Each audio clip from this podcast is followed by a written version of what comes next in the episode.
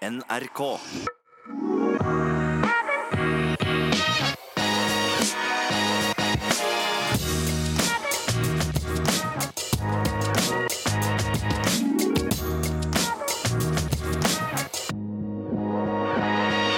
Romjula er godt i gang. Velkommen til en ny episode av I det lange løp. Jeg heter Jan Post. Sitter her med Christian Ulriksen, som eh, skal til Kenya i dag. Er du klar?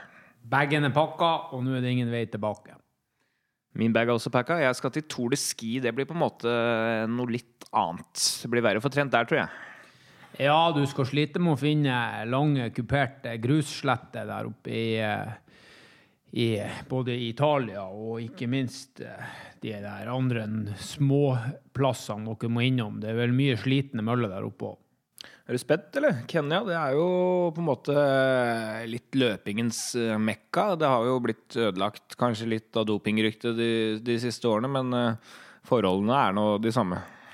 Ja, jeg er spent, og så skal jeg få meg et bilde med det der Eaton World of Champions, eller Home of Champions, er det vel som står der. Og så får vi se litt hva det er. Jeg gleder meg jo av, av mange grunner. Det er klart, Idrettsmessig så blir det jo en stor opplevelse, men jeg har jo sett eh, videoer fra Hans Sondre og, og de andre som har vært der oppe mye, så det er jo noe helt spesielt og, og kanskje noe helt unikt. Du må vel dit for å finne lignende.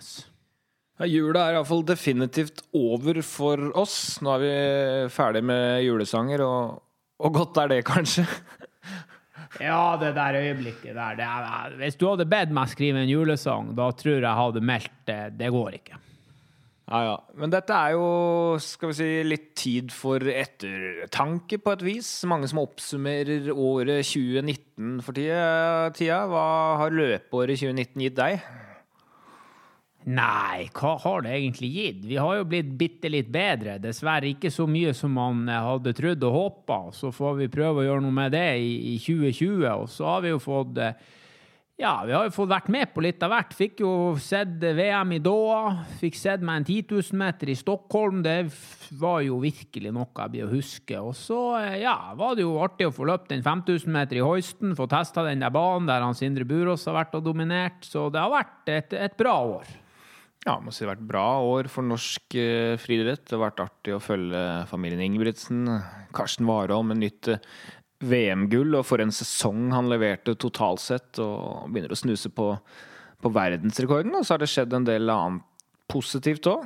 Karoline Bjerkeli Grødal har jo løpt eh, ganske bra. Sondre Nordstad Moen tilbake i 2.06-form og en time på halvmaraton. har vært spennende å, å, følge. Den norske rekorden på 10 000 var jo veldig artig å se på, på nært hold. Personlig så har det vel kanskje ikke vært det store løpeåret. To konkurranser. da. Det ble jo halv pers på halv og nesten pers på hel. Det var vel på det jevne. Så vi får vel legge noen planer for 2020. Hva har du sett deg ut? Nei, nå blir det jo Kenya, da. Så får vi også den halvmaraton i Barcelona, som bestandig er et, et, høydepunkt. Det er fint vær og en fantastisk by. Og så skal vi jo da til London, der målet nok en gang er å løpe under 2,20. I fjor var vi på skjema til, til 2,19 til 32 km, og så var det stopp, og vi kom i mål på 2,23, så vi vi må rett og slett komme oss litt lengre opp i skoene og opp på hesten og bli litt bedre, så, så, målet i London er jo der. Og så får vi se. Vi må vel kanskje ta oss en tur til Bergen og få med oss et uh, NM i friidrett. Det var jo første gangen jeg var med nå i år. Det var jo òg en, en innholdsrik uh, helg på Hamar, så jeg tror jo 2020 kan bli et, et artig år, det òg. Vi står vel ikke over Berlin i 2020 heller? Nei, altså til Berlin. Det er det eneste som er helt sikkert hvert år. Det er at til Berlin, dit skal vi. det er godt. Slengt, du har faktisk slengt inn en påmelding for meg i Berlin, så der har vi plass. London Marathon eh, er nok sannsynlig at jeg også løper, så det blir eh, interessant. Vi får vel, eh, får vel trene litt. Men dette med reising, det er jo en, en positiv side ved løpingen. Eh, man kommer jo til en del interessante steder og, byer. Nå skal du til Kenya, men du har fått noen store reiseopplevelser gjennom løpingen? Ja, helt klart. Jeg har jo, jeg har jo reist ganske mye i mitt liv, men, men løpinga har jo gitt mange destinasjoner og, og, for så vidt fått opplevd litt andre ting enn tidligere. og da var jo et spesielt VM i et veldig spesielt land. Hvis vi klarer å lure oss bort der til Tokyo eller til Sapporo i 2020, så ville jo det også vært en, en enorm ny opplevelse. Og så, eh, så, får vi egentlig se her. Det er jo litt sånn, eh, Man er jo litt på ukjent eh, farvann òg. Man, man har jo ikke, jeg er ikke helt der at jeg har fått laminert hele planen. Så det blir spennende å se hva vi, hvor og hva vi klarer å få til. Hvis du skulle løpt en maraton bare for opplevelsens skyld, hvor hadde du dratt da? Nei, da tror jeg jeg hadde dratt til Kina eller noe sånt der. Noe, eller noe sånt Kanskje prøvd lykken der på Nord-Korea, til og med. Sånn der du omtrent kan gjøre en gang i livet. Noe sånt tror jeg jeg hadde prøvd på. Da er det bare å starte papirarbeidet nå. Vi skal eh, i denne episoden møte en som har løpt maraton i Nord-Korea. Han har løpt i Iran og Irak. Det fins nesten ikke måte på hvor han eh, ikke har løpt. Han har også vært i Kenya, så det blir en liten prat om, om eh, Kenya også. Så for de som trenger litt inspirasjon da, til å finne en kul løpereise i 2020, nå som vi nærmer oss nyttår, så er det bare å følge med på hva Truls Oma Eriksrud har å fortelle i denne episoden. God lytting. I denne episoden skal vi snakke litt om reising og løping. Det er jo mange som drar rundt i verden og løper store maraton. New York Marathon er f.eks. veldig populær. Og noen har også gjort som meg, slått seg inn på dette World Marathon Majors-kjøret. Og vil liksom ta de seks store. Men det fins de som er litt mer avanserte i eh, sin reising og det å jakte på litt mer sære løp, kan vi si. Og jeg har fått besøk av Truls Oma Eriksrud. Velkommen. Takk skal du ha. Du har jo f.eks. løpt i Nord-Korea, Iran, Irak, Havanna på Cuba. Og du har gjort hele verden eh, rundt. Ja. Du har bodd i New York i seks år, men den har du ikke løpt? Nei, du, det, er, det har blitt en reise, dette her. Um, har jo Prøver å kombinere interessen for løping med det å oppleve verden i, i, i samme slengen. Og um, ja, det har blitt en del av meg nå i ganske mange år. Eh, som du nevner, jeg har vært til litt spesielle land og steder som kanskje ikke så mange nødvendigvis reiser til. Men det har også vært litt den interessen som, eh, som har blitt skapt over tid. Så eh, ja, nei, det, det, er vel ikke så mange som meg. nei, det må jeg si. Det er bare det å komme seg til Nord-Korea for løpt løpet er ikke bare bare. Det skal vi komme tilbake til, men først må vi høre litt hvem du er, og hva slags idrettsbakgrunn du har. Ja. Jeg eh, ble født på Rykken, eller på Rykken blir feil. Jeg ble født i Bærum eh, i 1983. Og så begynte å interessere meg ganske tidlig for eh, mye sport. Det gikk i både friidrett med sprint. fotball har jeg spilt en del. Og så eh, var det skihopping som sto på, på, tapeten da, hvor eh, jeg brukte ganske mange år. Hevdet meg ganske bra i, i, den grenen. Gikk litt kombinert i tillegg, men det var mer for å få et par ekstra hopp i, i, i bakken.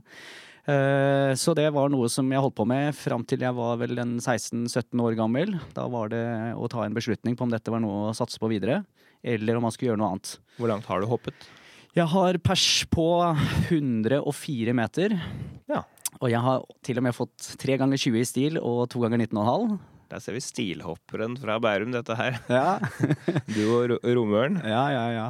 Nei, og så um, Og så flyttet jeg til USA og begynte å studere litt der. Eh, det gikk i finans.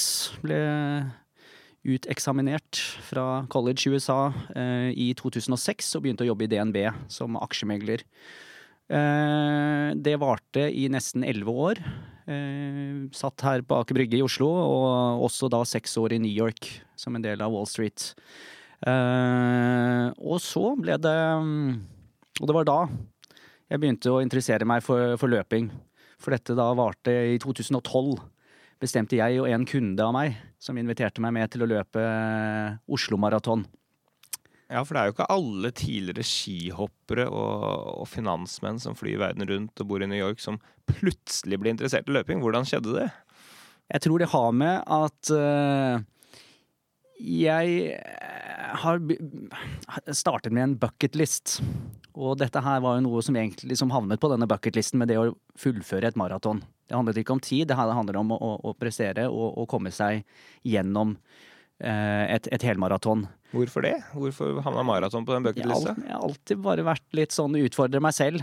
Om det gjelder, eh, gjelder det fysiske eller det psykiske eller hva enn det kan være. Så liker jeg å leve et liv som, eh, som kanskje er litt utenom det normale. Ikke det at maraton, å løpe et maraton er sånn unormalt, men når du ser denne bucketlisten som jeg har lagd over tid, så kom plutselig da maraton å løpe, og det skulle være én gang. Ja. Eh, Så da var det å stille til start. Eh, I Oslo Maraton hadde jo trent og var jo nervøs som de fleste er når eh, man skal sette i gang med sitt første maraton. Eh, Men det gikk greit. Jeg vel passerte vel eh, halvmaraton på en Jeg vet ikke, nærmere to timer, tenker jeg. Men det gikk, gikk greit nok, det. Ja. Følte meg pigg og fin fram til et par og 20 kilometer. Det er flere som har gjort det. Og så begynte det å bli, eh, bli litt tungt, men eh, jeg tror jeg kom i mål da på 4.16, tror jeg det var. Ja. Og var kjempefornøyd og var kjempestolt, så da hadde jeg på en måte fullført det ene maratonet som eh, jeg hadde som mål. Men eh, det var da det også slo meg at eh, nå som jeg er så interessert i å reise, for frem til da hadde jeg også reist en del rundt om i verden, Mm.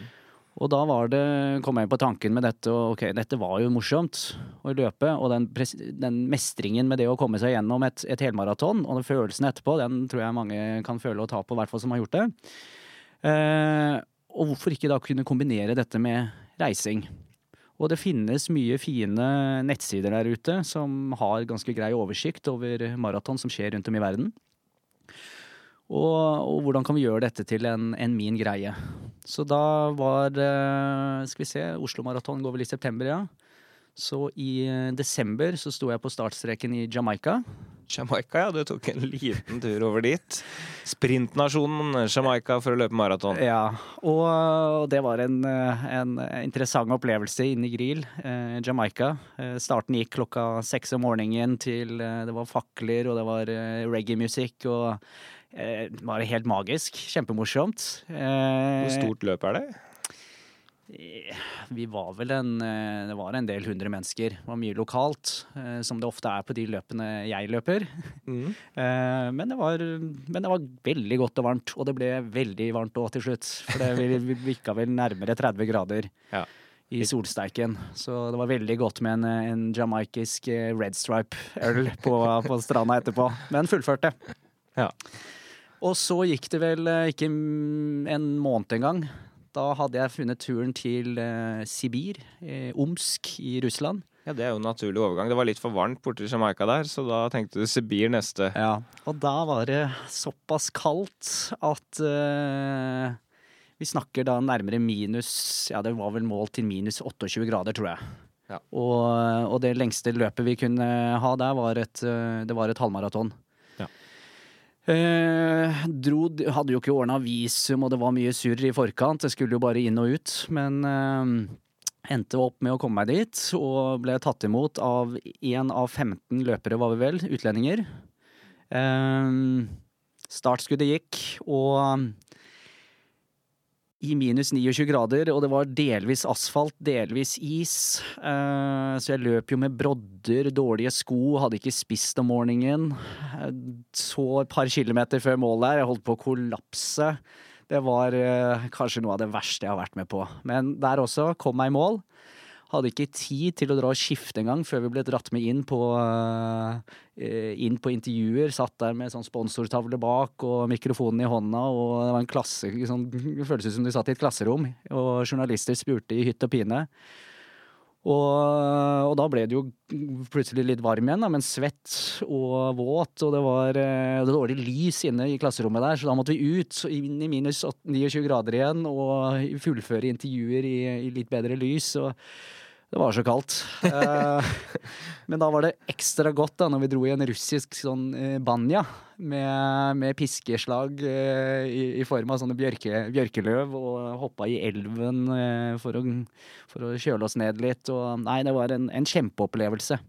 Men hvordan i all verden finner du et løp som det der? Altså, det er jo ikke sånn at det blir reklamert for det på norske løpenettsider eller løpemagasiner.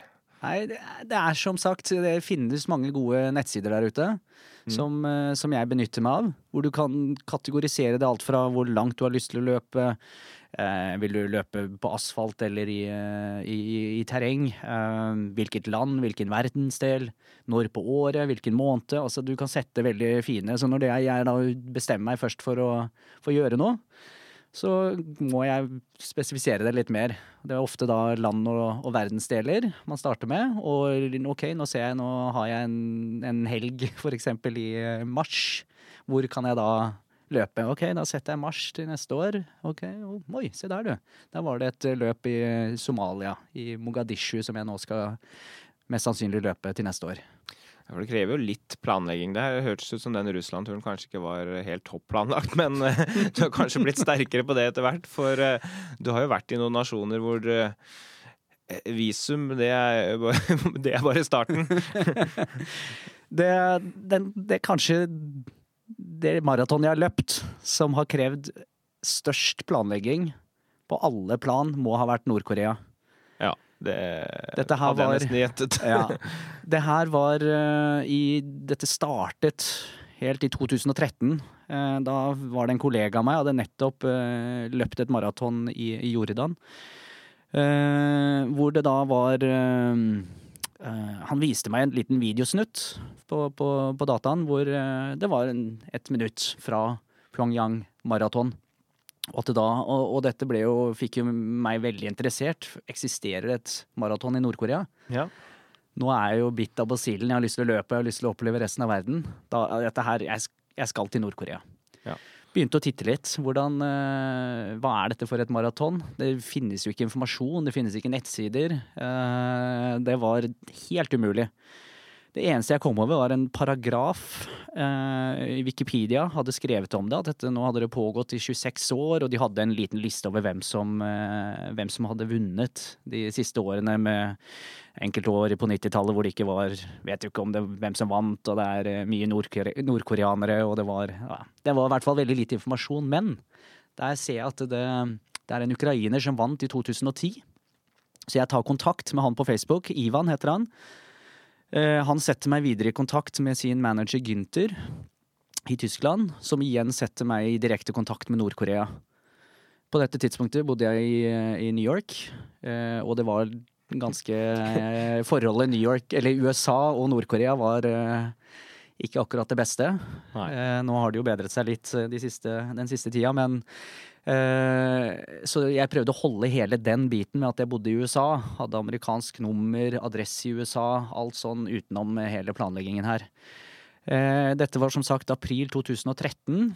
Eh, Jeg fikk jo da etter hvert eh, en, en ganske god dialog med dem. Eh, det var jo da et De sendte over et prospekt eh, hvor det var en del krav. Jeg måtte notere meg. Det ene var at jeg må ha eh, løpt maraton på 2,25. Jeg må være registrert med IAF sine, på sine lister.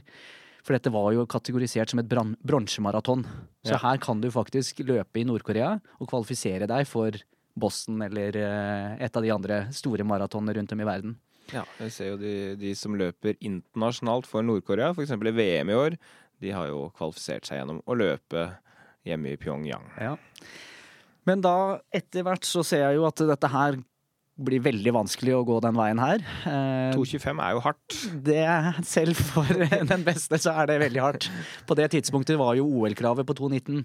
Ja. Sånn at eh, eh, Ja, det sier seg selv at da skal du være ganske, ganske god. Eh, så, men jeg tok jo ikke et nei for et nei. Jeg, jeg skulle jo være med på dette her. Så da blir vi enige om at eh, jeg dekker mine egne kostnader. Ja. Eh, og jeg blir da eh, får en, en spesiell invitasjon til da å være med i Nord-Korea. For da ser de at det her, dette er jo et løp som da kun har vært for profesjonelle løpere frem til da. Ja.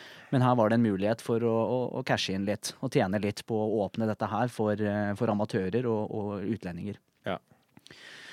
Så etter så mye papirarbeid og sendt pass fram og tilbake, i hvert fall kopi av pass. eh, Jeg dro ett ærend til Stockholm, til ambassaden til Nord-Korea for å plukke opp visum. Der hadde datasystemet deres fått uh, virus. Så det var uh, bare helt sprøtt. Men det ordna seg til slutt, det òg. Og etter hvert så kommer jeg da til eh, Begynner å nærme seg eh, Begynner å nærme seg en tur til Nord-Korea. Og jeg har enveisbillett, for det var ikke mulig å bestille billett tur-retur. Det var Nei, det var mye, mye, mye som skulle planlegges og på plass før man kunne komme seg inn i Nord-Korea. Enveisbillett til Nord-Korea, det kan jo få noen og hver til å føle seg litt skeptisk, kanskje. Det det var, var, veldig spesielt, alt sammen. Eh, og det som kanskje slo meg litt, er jo Altså, man, man, sitter jo med en del inntrykk man har fått av Nord-Korea gjennom media. Eh, det man leser om eh, Ja, hva, hva, hvordan er det egentlig i Nord-Korea? Og det, det, du kommer inn med veldig høye eh, Hva skal vi si du, du, du har skapt deg et bilde, og du er veldig nysgjerrig og du vet ikke helt hva du skal føle og tro før du setter deg på dette flyet.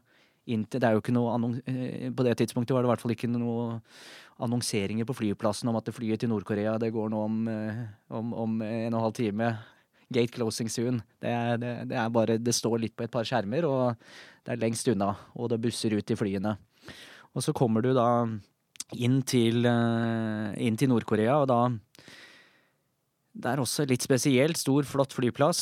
Eh, men det så det går gjennom alt av sakene dine, hva du har med deg. Eh, hva, sjekker alt av elektronikk. Du får det jo tilbake, men det er jo ikke noen muligheter å ringe, eller du har jo ikke noen forbindelse på noe som helst. Eh, og så tar de passet ditt. Ja. Og da tenker du så OK, jeg sjekket mobilen min nettopp, der har jeg ikke noe dekning. Han sikkerhetspersonen som nå skal være med meg rundt hele tiden mens jeg er i Nord-Korea. Han står og snuser meg i, i nakken. Eh, og de har passet mitt. Så um, nå får det bare gå som det går. Bare oppføre seg. Det er bare å oppføre seg. um, men hele den perioden Nå var jo jeg blitt en del av eh, de proffe løpene, altså eliteløperne, som var spesielt invitert til Nord-Korea. Ja. Eh, og vi bodde jo da på et eget hotell. Eh, vi hadde en litt sånn spesialbehandling gjennom hele oppholdet. Eh, vi hadde jo da løp, møte dagen før hvor vi gikk gjennom alt av regler og, og hvordan løpet kom til å foregå. Eh, dette med drikkeflasker, hvor de kom til å bli plassert hen. Eh, og jeg da sitter der og, som lillegutt i stolen og bare følger med. Ja, for da, da, må vi jo fortelle litt om eh, hvor fort du hadde løpt disse tidlige maraene. Vi, vi snakka om rundt fire timer i starten der.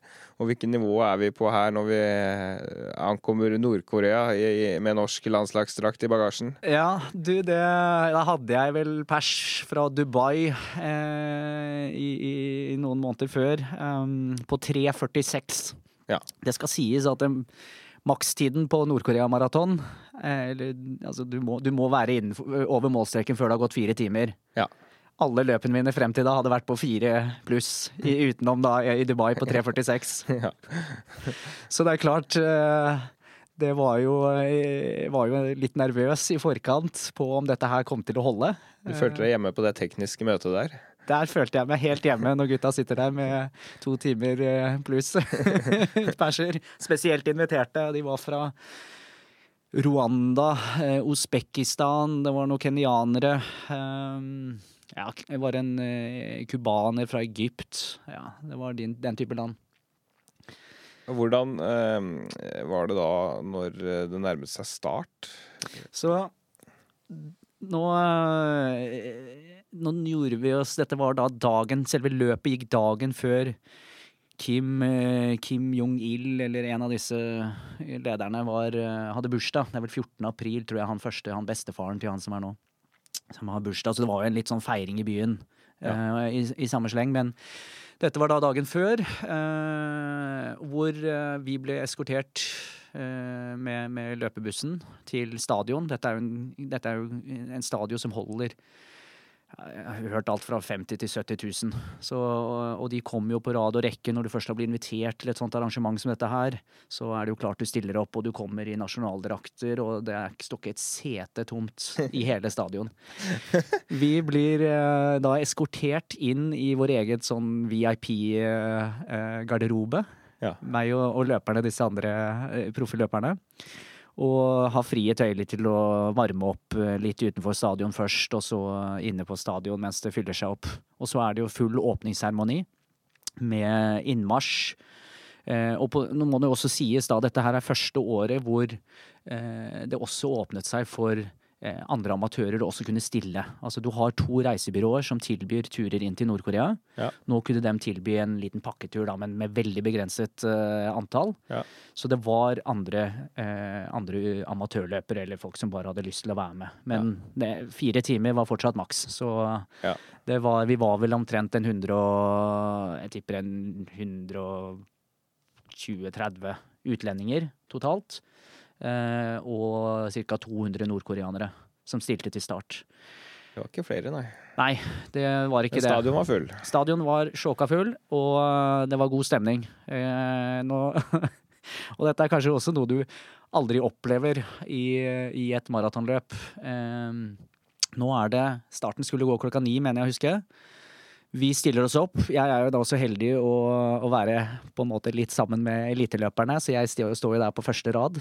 Eh, det tror jeg har første og eneste gang det kommer til å skje. Jeg har sett noen bilder, og der står du med norsk Ja da. som du har fått lånt deg. Den fikk jeg ordna meg eh, i forkant. Eh, men eh, det er da fem minutter, type, før startskuddet skal gå. Og folk er jo, driver og strekker litt og løper litt og, og gjør seg klar. Men vi, vi stiller opp. Det er jo bare minutter til starten skal gå. Eh, folk ser litt på klokka, og plutselig går startskuddet. Oh, ja. Så han som sto da med, med pistolen, han klarer da å, å, å, å skyte før tiden. ja. Så alle begynner å bli litt se på hverandre og begynner å løpe. Og vi blir stoppet da etter at det har gått en 40-50 meter. Og bare nei, nei, nei, alle må tilbake. Ja. Eh, og da må vi stille opp på nytt igjen. og så blir den offisielle starten da sikkert litt over ni da med alt som skjedde. Ja. Men eh, jeg tror jeg aldri har opplevd at det har vært eh, tjuvstart. Eller jeg vet Omstart. ikke omstart, i hvert fall. Omstart, Ja. ja. den, den var ny. Så da var det Og da gikk det starten på stadion der, og så løp vi ut i, i gatene i Pongyang. Eh, Da var det en runde på, eh, på, på type 10 km, som vi passerte da fire ganger. Ja. Før, vi, eh, før vi kom oss tilbake inn på stadion. Du sa at du hadde en representant som fulgte deg under dette oppholdet, men eh, du var fri når du løp, eller? Fri når jeg løp, var Men, men han, han kjørte litt rundt i bil og på motorsykler og fulgte litt med, da. Så det var okay. ikke helt fri. okay. Så det skal sies, men det var masse mennesker rundt om i gatene der, og og nei, det må si det var et veldig bra, bra arrangement. Sett, Hvor eh, engasjerte var disse tilskuerne? Var det fullt trøkk? De heier, og det var tjåka fullt langs eh, i hvert fall store deler av løypa. Ja. Så var det veldig mye mennesker, så jeg vil jo si at det, det var et, et veldig flott maraton sånn sett. Mm. Eh, det var drikkestasjoner som normalt, og ja, jeg hadde jo mine egne drikkeflasker som jeg fikk da som eliteløperen som jeg var. ja. Og de hadde du selvfølgelig Ja. eh, med eget innhold i og Ja, nøye da. målt opp. Ja da, det var, eh, var ikke noe å si på det. Eh, Men det begynner jo å nærme seg slutten, og jeg ser jo på klokka at eh, å herregud, nå, nå er det Begynner å haste. Det begynner å haste litt. Skal jeg nå eh, komme meg inn på stadion, for da stenger de. Klokka fire er Det tok ja, jeg, kan, jeg, så, jeg så på klokka, nå er det et par kilometer igjen. Dette ser ut til å gå bra. Ja. Og jeg løp inn til eh, 3.48,12 tror jeg tiden min ble. Så jeg hadde noen minutter på meg der. God margin. Ja, Men uh, det skal sies da, på slaget fire timer, så var den uh, målstreken borte. Og da var det premieseremoni. Og det var uh, Nei, da var det over ut. Ja. Men eh, så, sånn gikk eventyret i, i Nord-Korea. Fikk Ja. du vært der nå etterpå, eller var det rett ja, hjem igjen? Nei, jeg hadde jo seks dager totalt i Nord-Korea. Um, så det ble Det var jo ikke lagt opp til så mye, mye mer enn selve maratonet, fordi eliteløperne var jo spesielt inviterte. De hadde jo fått eh, fått uh, betalt for å, å stille, flere av dem. Uh, men det var ikke lagt opp til så mye mer opplegg som det ofte er når man er i Nord-Korea. Da har man et ganske tett program, og man skal møte klokka to i, i lobbyen på hotellet, og man drar direkte på ett sted og bruker det. Så vi var jo Det var ikke lagt opp til mye, så man måtte jo få på plass litt ting. Og det er ikke bare bare når man ikke har eh, fått, eh, fått klar, klarsignal i, i første omgang, så det kan fort ta noen dager, da. Ja. Så det endte jo med at eh, alt fra det å dra på en sånn Tusenfryd-park, eh, eller spille bowling klokka ti på en tirsdag, det var jo tre dagers eh, forvarsel for å få til det. Ja. Og da var det mye mennesker. De feteste skoene jeg noensinne har sett. Helt ny ball. Og det var eh, Nei, det var bra. det var bra. Ja, men det må ha vært en eh, spesiell opp opplevelse. Det er jo noen nordmenn etter det som har uh, vært i Nord-Korea, og vi har jo hatt en uh, fotballtrener der uh, nede blant annet, så man har kanskje fått vite litt mer. Men den gangen så, så visste du kanskje fint lite når du, når du reiste inn. Det var ja, pent lite. Eh, Så det er eh, Nei, du, du sier du, du, som jeg nevnte litt tidligere, når du er Du skaper deg et bilde av hvordan ting kan være. Eh, og så kommer du dit, og så ser du det med egne øyne. Og ikke at jeg er verken eh, pro Nord- Nord-Korea på noen som helst måte, men det er fascinerende å se hvordan vi oppfatter det på utsiden, og hvordan ting er der. Og det er klart, mye av det er jo litt sånn skuespill. Det var enkelte ting som jeg stussa litt over. Hvorfor plutselig kom det, eller det som skjedde der, og hvorfor står hun og skal selge oss masse ting her nå? og Nei, det er, det er litt rare ting. Og det er det som gjør det faktisk litt slitsomt med å være i Nord-Korea. Det ikke det at det, eh, det er ikke det at det er så spesielt å være der. Eh, altså, ting virker veldig ganske normalt. Ja. Men du går rundt konstant og ser etter ting som er unormalt. Og Ja. da blir du litt sliten. Ja.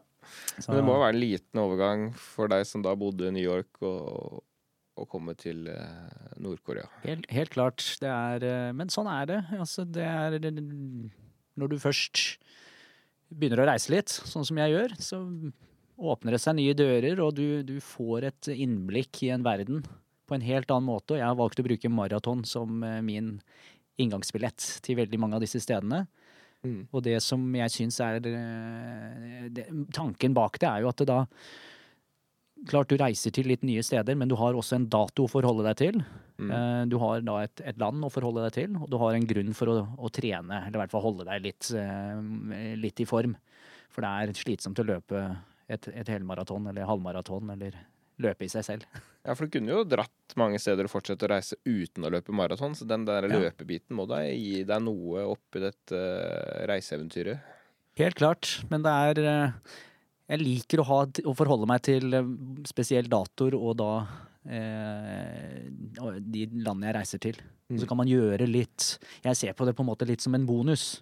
Jeg vet at jeg skal løpe et maraton der, men alt som skjer rundt, dagene før, selve løpet, dagene etter, det er jo det som er morsomt. Det er det som, som i hvert fall trigger meg til å, å gjøre mye av dette her. Nå kjenner jeg ikke veldig godt, men jeg ser ikke for meg at du er sånn pissnervøs dagen før, og at du passer deg fra alt mulig, skal spise alt riktig, og at du er, eh, he at du er helt der. Jeg er nok ikke helt der som mange andre løpere er, men jeg har jo min rutine. Altså, jeg gjør ting eh, spesielt dagen før, så handler det om eh, selvfølgelig litt på kostholdet, men jeg er veldig opptatt av det med å, å drikke nok. Sørge for at eh, urinet mitt ser krystallklart ut. Gjerne står opp flere ganger på natta bare for å, å, å få i meg nok væske, sånn at du er hydrert når du, når du stiller til start dagen etterpå. Også det med å, å ikke spise for, for heavy på, på morgenen eh, på selve løpet. Og gi det god tid å lade opp til, til løpet. For jeg har jo, det høres ut som jeg bare er en, en, en løper som bare ikke tar noe seriøst, men jeg har jo også forsøkt meg på å gjøre ting litt seriøst. Ja, det er det vi skal inn på nå, nemlig. Fordi at eh, du sier at du ikke er så opptatt av eh, tid videre, det er reise og det er opplevelse, men på et eller annet tidspunkt i denne reise... eh, Skal vi til det, det reiseeventyret med maraton, så har du begynt å tenke tid, og så har du dratt til Kenya. Ja. Og, og da skulle du bli god til å løpe plutselig. Hva, hva var det som skjedde her? Ja, Ok, så det her var um, Jeg hadde jo, som jeg nevnte helt ti- ti- tidlig i podkasten her, jeg hadde en, en Jeg har jo hatt en, en barndom og en ungdomstid som var veldig opptatt av idrett. Mm. Og, og jeg vet at jeg er god for mye bedre tider hvis jeg bare legger vilja til. og, og begynner å fokusere litt. Så det var tanken at det, hvor fort kan jeg egentlig løpe med å gi dette her litt mer fokus, og gjøre det litt mer profesjonelt enn å bare løpe uten klokke nesten og, og bare ta meg en runde for, for, for trivselen. Så dette her var da i eh, noen år tilbake, hvor eh, jeg fant ut ok, nå skal jeg, nå skal jeg gjøre alt som er mulig. Legge opp et løp i tre måneder fremover i tid. Så skal jeg se hvor mye jeg kan da forbedre min personlige rekord, som da var fra Dubai, på 3,46. Ja, det er jo et spennende prosjekt. Eh, Vi er da i januar, og jeg har sett for meg da at Rotterdam i april blir, eh, blir løpet. Det er en flott, eh, en rask, et raskt maraton. Det er et normalt maraton i et normalt land. Det er til og med sånne Ja. folk som jeg har vært ganske langt unna. Nord-Korea, Iran og Irak og Ja. Mogadishu og Kuwait og alt du, du planlegger. Så dette var på en måte min sånn uh, breaking marathon limits. Uh, Å se da hvor fort jeg kan faktisk løpe på, på eh, da en, en, en noen måneders full fokus. Og jeg hadde jo fulltidsjobb på dette her tidspunktet òg, Ja. men da måtte jeg legge alt til side. Det var, var 100% fokus. Eh, startet eh, da i januar, eh, hvor jeg dro først på, på Nimi og på Ullevål og fikk testet. Så vi hadde liksom klare, klare svar på hvor jeg sto hen på det tidspunktet. Ja. I forhold til laktatterskel til ja, makspuls, you name it. Ja, du gikk grundig til verks. Eh, Fikk lagt opp et fullt treningsprogram. Eh, Hvor, Fikk hvor kom det fra? Var det Nei, det var faktisk min eh, Hva blir det? Min brors eh, kone. Hun Ja. er eh, personlig trener. Ja. Så hun eh, lagde da et, et flott program for meg. Eh, jeg fikk inn en del sponsorer. Jeg fikk da innenfor behandlinger med, med klinikksiden. Jeg var hos ernæringsspesialist for å lære mer om hvordan jeg skal eh, spise oppi alt dette her. Og det gikk fra å være da den sosiale Truls til å bli, eh, kall det litt mer usosiale Truls de neste, neste par månedene.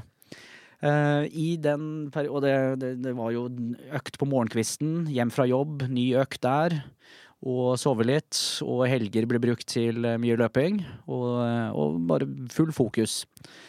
Eh, det som også skjedde i den perioden, fordi noe som har vært en utfordring for meg, er det å finne litt motivasjon i alt dette her. Når du først begynner å, å, å løpe, og du skal løpe langt, og du, er, du skal løpe ofte. Ja. Det er det å finne litt motivasjon oppi det hele. Ja. Noen finner motivasjon med å løpe med andre og bli dratt ut av senga, bare, men, men for meg har det handlet om å bare smådetaljer i, i treningen. Alt fra det å kjøpe seg et par nye løpesko, en ny drikkeflaske, eh, lage seg en Jeg løper med musikk, så jeg lager kanskje en ny playlist. Og bare finne den derre Nå får jeg lyst til å løpe, nå skal jeg, nå skal jeg komme meg ut. Og en av tingene som jeg la oppi, i det hele, var hvor kult er det ikke å dra til Kenya og ligge oppe i høyden og, og, og trene med de råeste innenfor dette feltet. Ja. Så da måtte jeg jo finne ut av hvordan kan jeg komme meg til Kenya uten å kjenne noen kenyanere, egentlig. ja, det er Så måten jeg gjorde dette her på, var da at eh, Ivan, som hadde fått meg til Nord-Korea Jeg spurte han eh, kjenner du noen kenyanere. Ja, han kjente visst en, da. Ja. Som hadde vært under samme managementet. Som holdt til i Eton. Satte meg i kontakt med Elisha Save, som han heter. Han er eh, han er en 2.15-løper, tror jeg. Eh, Men Ja. i kenyansk standard så er ikke det så, ja, så spennende. ja, Det er klart at når du først kommer ned der, så er ikke han av de beste, nei. Men Nei. eh, i norsk standard så, så ville han tatt medalje i alle norske mesterskap på maraton de siste åra, for å si det sånn. Nei, så, så da var det jo det, og dette handlet om da å, igjen å finne en motivasjon til, og in, inspirasjon ikke minst, til å, som en del av treningsopplegget. Mm. Så da pakket vi sammen. Jeg tok med meg en fotograf ned til en, en, en god venn av meg, Anton. Ned til eh, Kenya, hvor vi eh, ble plukket opp i, i, i Nairobi og kjørte åtte timer på en forferdelig vei opp til Eton. The Home of Champions, som det heter. Ja, Og dette der er jo da vi- en liten by hvor 1000 av 4000 innbyggere satser løping på heltid. Ja. Det ligger vel på 2300-2400 meter. Og det er eh, veldig enkel standard living-wise. Eh, eh, men det er veldig flotte løpeprofiler der. Det er, eh, du, du, du finner det meste. Og det som sagt ligger i høyden, så du, du får den fordelen også. Eh, jeg husker min første tur da med Elisha. Han kommer og plukker meg opp klokka seks om morgenen. Uh, vi tar en runde, ikke så vi løper kanskje en time og et kvarter. Jeg ligger Altså, jeg har puls på nærmere makspuls, og han, har, og han sjekker sin puls. Da, uh, jeg har vel makspuls på, på rundt 190, tror jeg. Klokka Eller jeg ser på klokka, jeg har vel en 180 eller noe. Det var helt forferdelig. Eh, tapt for pust. Han bare sjekker litt sånn forsiktig på halsen, ser på klokka, for det er jo ikke noe sånn, sånn veldig enkel Casio-klokke. Ja, han lå vel på en sånn 85-90, kanskje. Altså, det var jo bare Han kunne gå ved siden av meg, tror jeg. Men, ja, den, den ja. høyden der nede, den, den, slår, og det er jo ganske kupert. Altså, hvis man starter litt sånn gradvis nedover da, eller flatt, så tenker du at det her er ikke så ille. Så kommer det en liten motbakke, så, så skjønner du at dette er noe helt annet enn å løpe hjemme. Ja, det er akkurat det. Men det er kult å, å være der nede. Eh, og da det setter ting i perspektiv i forhold til du, når du, du, ser hvor dedikerte disse løperne er. Hvordan de holder på. Hvor eh, Ja, jeg blir bare helt satt ut. Og det er innmari kult. Men går du inn i den kenyanske livsstilen der med å, å, trene klokken seks, kvart over seks hver eneste morgen, spise det de gjør, og, og legge deg klokka ni, eller hvordan blir oppholdet? Det er akkurat som du beskriver der. Det er så enkelt som det. Eh, det er opp tidlig, for det, det, blir jo litt varmt til tider. Og, og, så slapper du av, og så gjør du en økt til litt senere på, på kvelden. Uh, du kan jo høre litt med de to norske jeg møtte der nede på det tidspunktet. Sondre og Sindre. Sondre Nordstad Moen, da, som uh, senere skulle sette europeisk rekord på, på maraton, og Sindre som jo har gjestet podkasten vi har eh, holdt eh, mange ganger, og som har løpt 13,11 på 5000 meter. De to beste langdistanseløperne i, i Norge på, på, det tidspunktet. Så eh, det var jo litt morsomt å møte to nordmenn og, og to i den eliteklassen eh, på det tidspunktet her. Hvor, hvor, Sondre har jo fortsatt, og, og Sindre har vel gitt seg litt med den, den biten. Eh, men det var innmari kult, og det gjorde jo at vi ble sittende kanskje litt lenger oppe også. De skulle jo være der i, i, flere uker. Jeg var jo der kun i en uke, men eh, det var morsomt, og vi har holdt kontakten siden. Eh, Sindre inviterte meg opp på Olympiatoppen også rett i etterkant, hvor jeg og Sondre og Sindre og Karoline faktisk sto på tredemøllene og løp for harde livet. Ja, det var bra.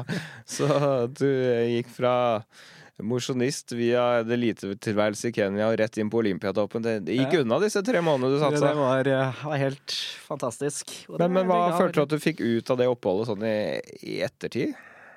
Jeg, jeg, jeg, sitter igjen med masse følelser rundt det. Én ting var jo selvfølgelig at uh, det var uh, veldig fascinerende uh, å se hvordan det gjøres nede i Kenya.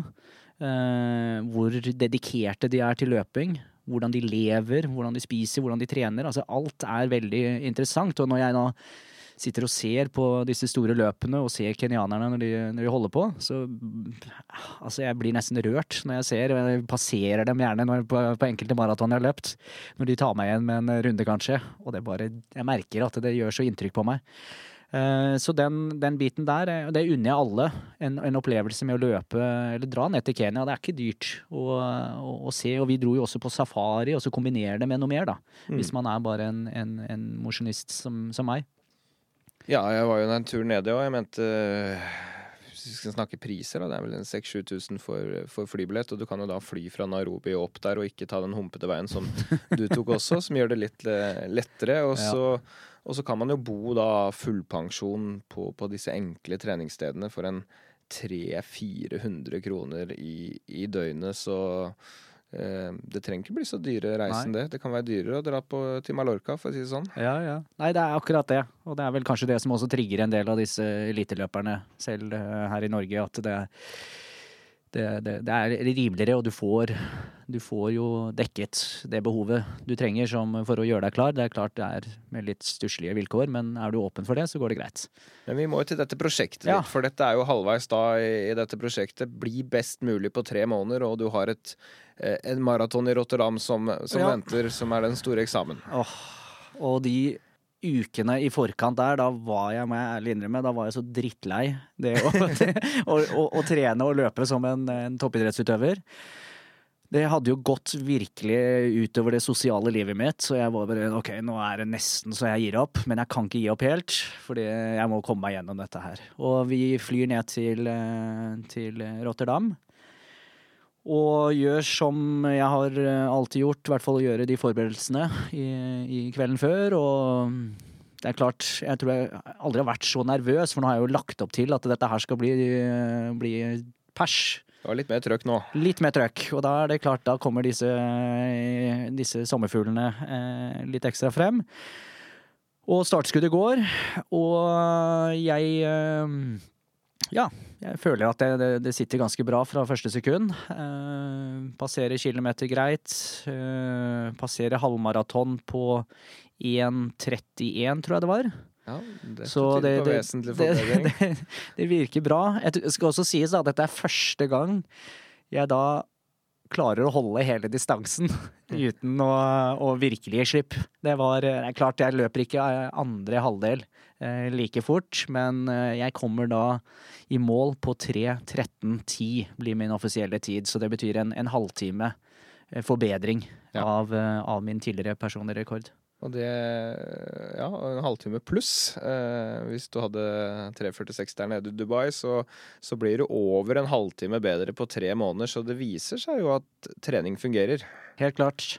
Men ga Og- det mersmak?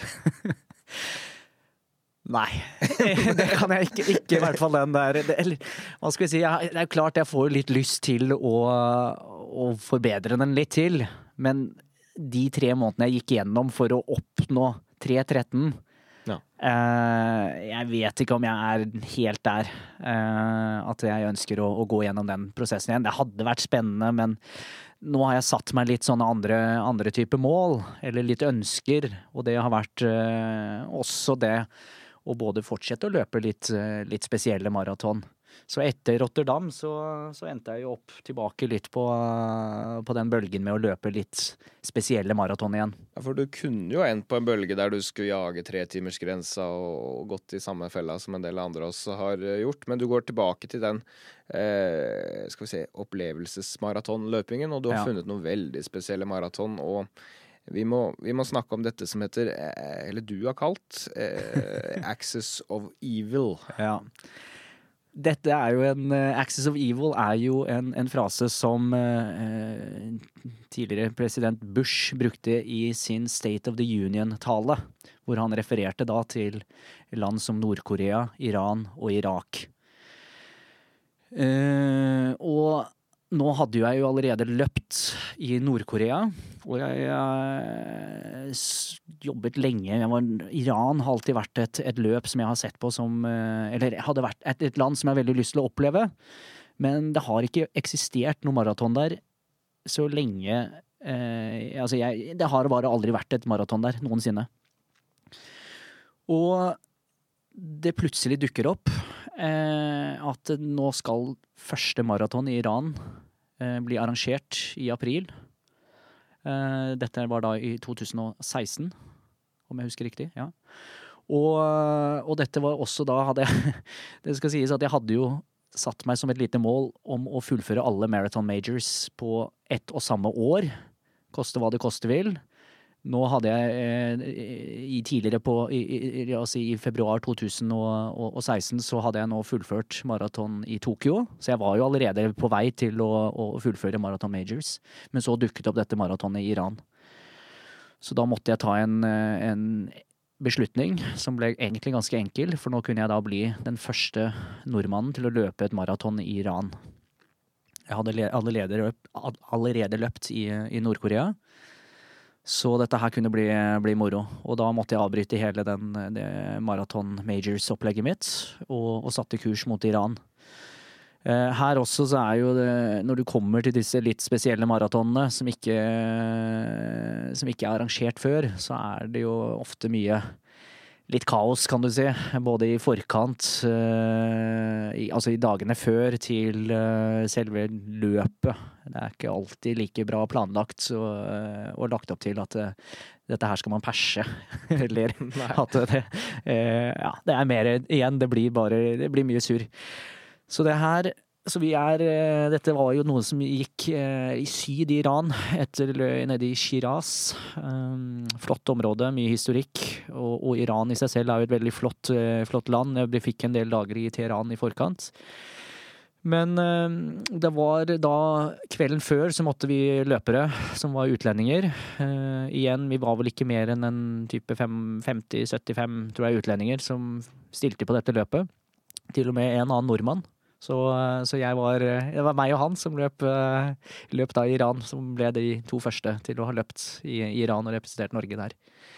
Uh, du sier, eller kalte Axis og Evil etter denne talen, og, og ja. du sier Iran er et flott land. Du er ikke redd for at du etter å ha løpt i Iran, Nord-Korea og Irak blir anklaget for å støtte regimer som kanskje ikke uh, er helt på linje med det er det man uh, tenker på som gode regimer. Ja, nei, det er det er jo alltid en liten uh, debatt rundt det der, og, og, det var det også i forkant av Iran-løpet, hvor for det var jo ingen kvinner som fikk lov til å delta i dette løpet, og det var det jo uh, et spørsmål om man da skulle boikotte hele løpet i ja. seg selv. Uh, jeg velger å ikke ta noe politisk, politiske valg når jeg driver med min idrett. Altså hva jeg mener politisk er vel eh, en, en personsak, og jeg mener at det, politikk og idrett ikke hører helt sammen.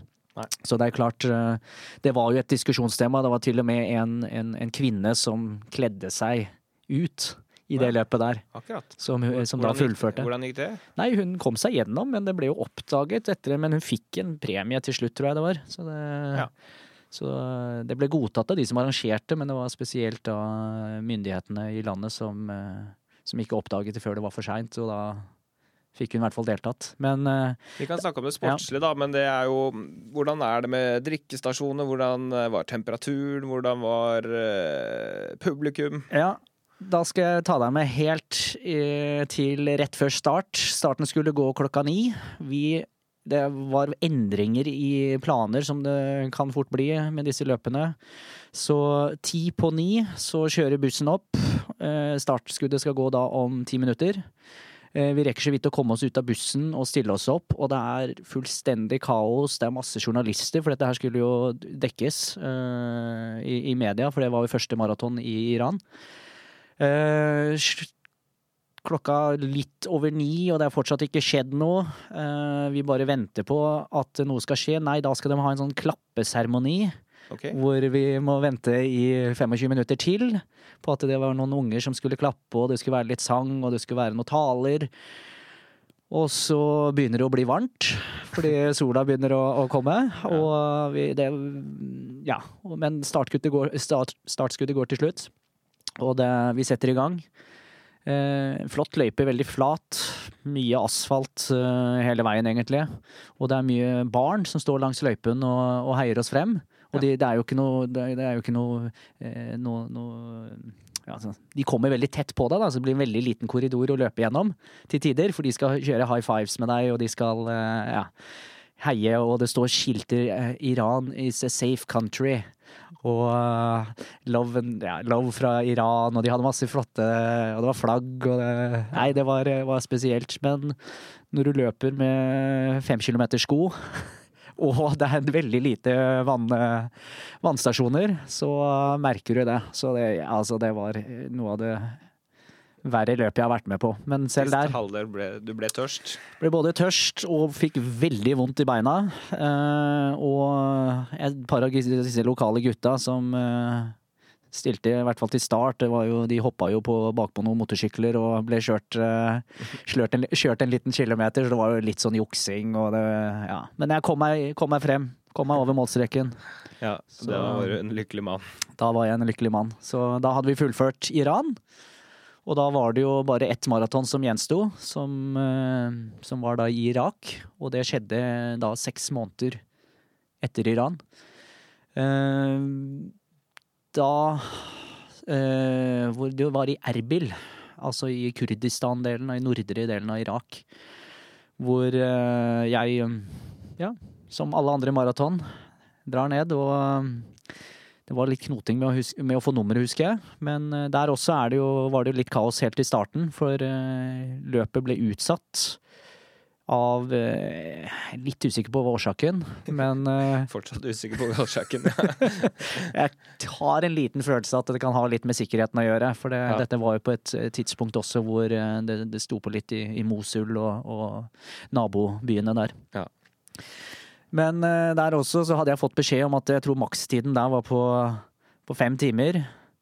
Hvor jeg uh, underveis i løpet uh, får beskjed Nei da, den, har, den var blitt flyttet i 4 timer og 30. Okay, Altså den ble flyttet på litt underveis, da. Liten halvtime justering der. Ja, midt, midt på løpet, og jeg lå jo ikke an til noe 4.30-tid engang. Så her måtte jeg jo bare bite tenna sammen, og, og jeg, jeg lurer på om de utsatte den enda Eller altså, de, de skjøv den litt frem igjen, da. Så Ja. jeg, når jeg løp inn på 4.38 eller noe sånt, så Fikk du gå over mål. fikk jeg komme over mål, og ble da historisk med å bli verdens første til å da ha løpt i Nord-Korea, Iran og Irak. Ja, det er ikke så mange andre som har forsøkt på det heller, men du lagde din egen, eh, eller- egen lille trio der. Eh, eh, Hva tenkte du da, når du har fullført dette her? Så på det tidspunktet når jeg da stilte til start i Irak, så, så var jo det mål. Eh, og jeg syns det var egentlig litt, en litt mer morsom, uh, morsom tittel, da. Selv om det var jeg selv som hadde Ja. funnet den på. Men Jo, eh, jo. her handlet det om at du hadde nå løpt eh, tre maraton i tre veldig spesial, spesielle land. Mm. Eh, og for meg var dette bare en, en del av et større maratonprosjekt som det er blitt til nå. Ja, for du har lagd en Instagram-profil. Eh, Hvor finner man deg der? Der finner du meg på The Marathon Runner, heter jeg der. Ja, Der kan du oppleve litt av eh, det du har sett på disse eh, merkverdige reisene dine. Og, Ja. og det er jo ikke slutt. Du, du har løpt i Afghanistan eh, senere og, og andre steder også, men eh, du har ting på gang nå òg? Ja da, det er, eh, som jeg så vidt nevnte tidligere, det er et løp i Mogadishu som jeg driver og titter litt på. Eh, og så skal jeg nå til Kuwait om eh, neste uke. Kuwait, da. Da prøver vi oss på Kuwait-maraton. Tar med meg en kompis i bagasjen og stikker ned dit, så han skal få lov til å prøve seg på et halvmaraton, og jeg stiller på hel.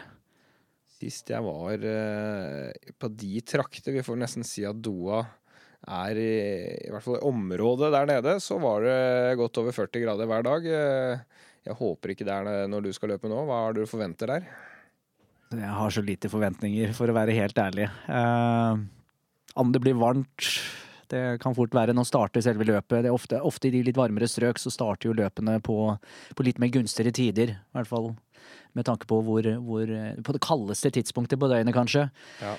Eh, Det er, et, det er visst et ganske stort maraton, eh, så jeg forventer egentlig at det, det er eh, mye mennesker og blir sikkert, sikkert bra, det. Ja, vi får se om vi kan ringe deg opp og få en liten rapport etter det. Mogadishu, får håpe du kommer med, med der. Det er jo et land som har fostret store løpere, så det Ja. kan jo bli artig å, å se hva slags arrangement det er. Helt klart. Eh, Jeg har jo fått en liten smak på, på dette med å løpe i, i Ikke bare i, i type krigs... Eller land som har vært eh, Har opplevd mye krig og elendighet. Eh, Afghanistan var jo det siste løpet jeg gjorde. Dette her er jo de samme som arrangerer det i Afghanistan, som nå også arrangerer i, i, da i Mogadishu. Ja. Så jeg har jo fått litt tempen på hvordan det kan bli.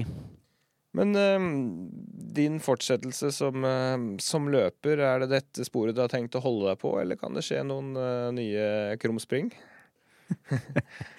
Tja, hva skulle det være?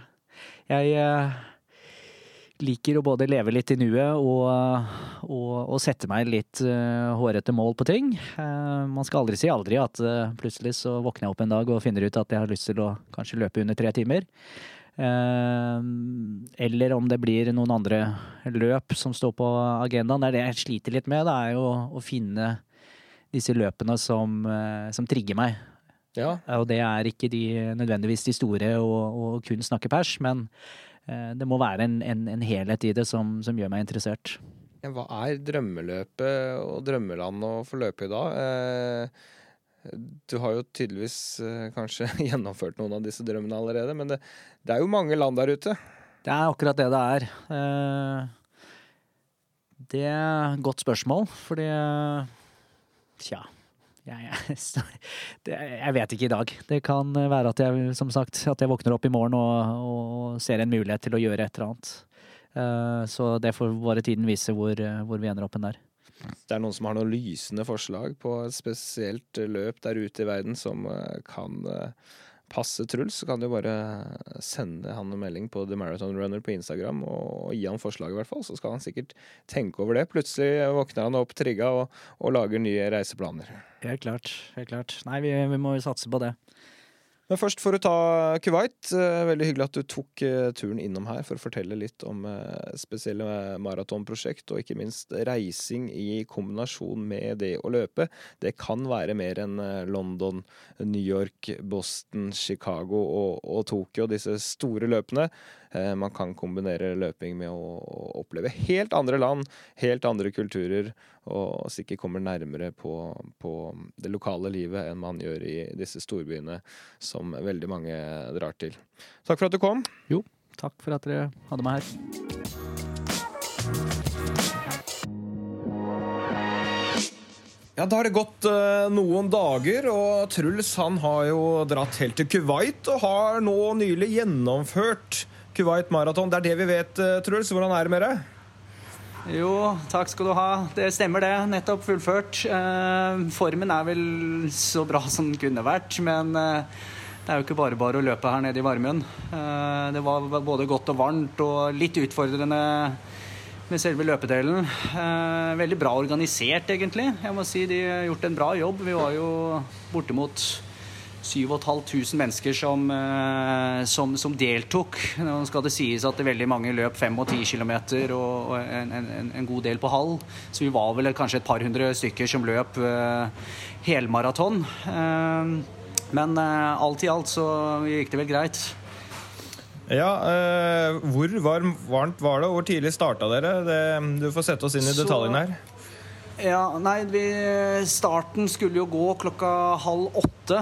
Eh, på det tidspunktet så var det et par og tjue, lavt tjuetall, tenker jeg. Så det mm. var jo allerede godt, godt over behagelig temperatur da. Eh, og så, idet vi står, jeg stusser litt over hvorfor ikke starten går, og så får vi beskjed på høyttaleranlegget at eh, her har de ikke fått eh, Eh, en endelig godkjennelse av eh, myndighetene på å stenge veier. Så da blir det utsatt i hvert fall en 15 eh, minutter til.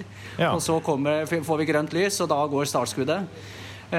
og da var det jo hel- og halvmaraton som gikk ut først. For vi skulle løpe en litt lengre løype enn de på 10 og 5, selvfølgelig, men mye av den samme traseen. Eh, det som skjedde da, var jo at eh, når fem kilometer begynte, og de eliteløperne der, de tok jo oss igjen ganske kjapt. Og da skulle vi gjennom en trang passasje med et markedsplass som uh, ga jo sine utfordringer. og også da, etter type ti kilometer løping for vår del, så tok jo vi igjen de som da løp fem og ti, og der var det veldig mange som gikk. Så da ble man jo løpende blant mye mennesker. Så det var jo litt kronglete og eh, utfordrende i seg selv. Men eh, så fort man begynte på den, skal vi si Når de gikk inn til, eh, til, til målstreken, så fortsatte jo vi en litt lengre sløyfe. Og da ja.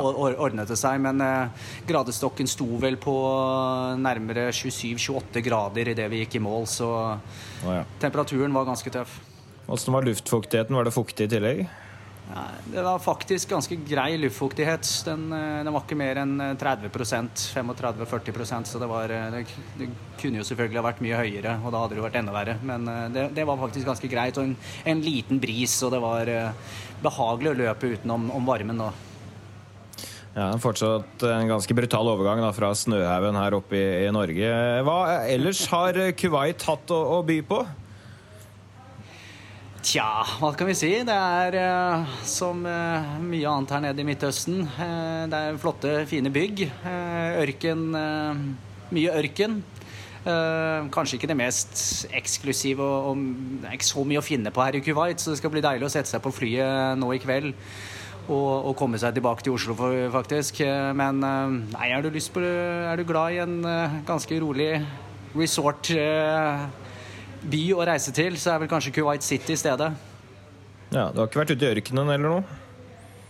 Nei, vi, vi, hadde planer om å dra på kamelsafari, men uh, det så ut til at vi kom tima det litt dårlig, for det skjer først om to uker. Så det er jo kanskje en litt kul opplevelse her nede. Ja, ja. Du får vel pleie beina nå. Det, det kjennes vel at du har løpt maraton? Du, det må, jeg får vel kanskje nevne at uh, kneet mitt begynte jo å merke det litt på 32 km. Og, og, det satte meg jo selvfølgelig litt tilbake i, i å, å, fullføre med, med, stil. Det ble litt halting på slutten der, men jeg kom meg i hvert fall over målstreken og fikk medaljen min, så jeg, jeg får si meg fornøyd. Nytt maraton er fullført. En ny eh, maratonreise. Et lite reiseeventyr er tilbakelagt. Og, og, da blir det Botswana neste, eller? Du, Botswana har vi jo i Tot, men ja, eh, nå ja, fikk jeg en e-mail mens, e mens, jeg var her nede om at uh, Somalia Maraton uh, burde skje nå i mars. Så da skal jeg ned til Mogadishu og løpe et Det blir bare et halvmaraton pga. sikkerheten. Så, ja. Men nå ser det ut til at det går i boks, så da blir det Mogadishu. I Mogad mars tenker jeg blir neste løp. Ja, var det jeg skulle ha sagt. Mogadishu. Det blir, blir spennende. Det blir sikkert mye folk der også. Får vi se hvor mye kaos det blir. Tusen takk for nok en ja. oppdatering. Du får komme deg hjem og pleie det kneet ditt, så du er klar for Mogadishu. Takk skal du ha. Yes. Vi høres. Ha det bra. Hei, hei. Hei, hei. Tusen takk til eh, Truls Oma Eriksrud. Håper at du ble inspirert til å finne deg en spennende løpereise i 2020. Eh, det finnes mye bra der ute. Mange spennende land å besøke. Så kan man oppleve noe mer enn eh, løping også på veien. Tusen takk for at du lyttet på. Eh, romjul 2020 nærmer seg. Så det gjenstår egentlig bare å ønske godt nyttår. Så høres vi igjen i 2020. Feir med måte. Det kommer nye fysiske utfordringer.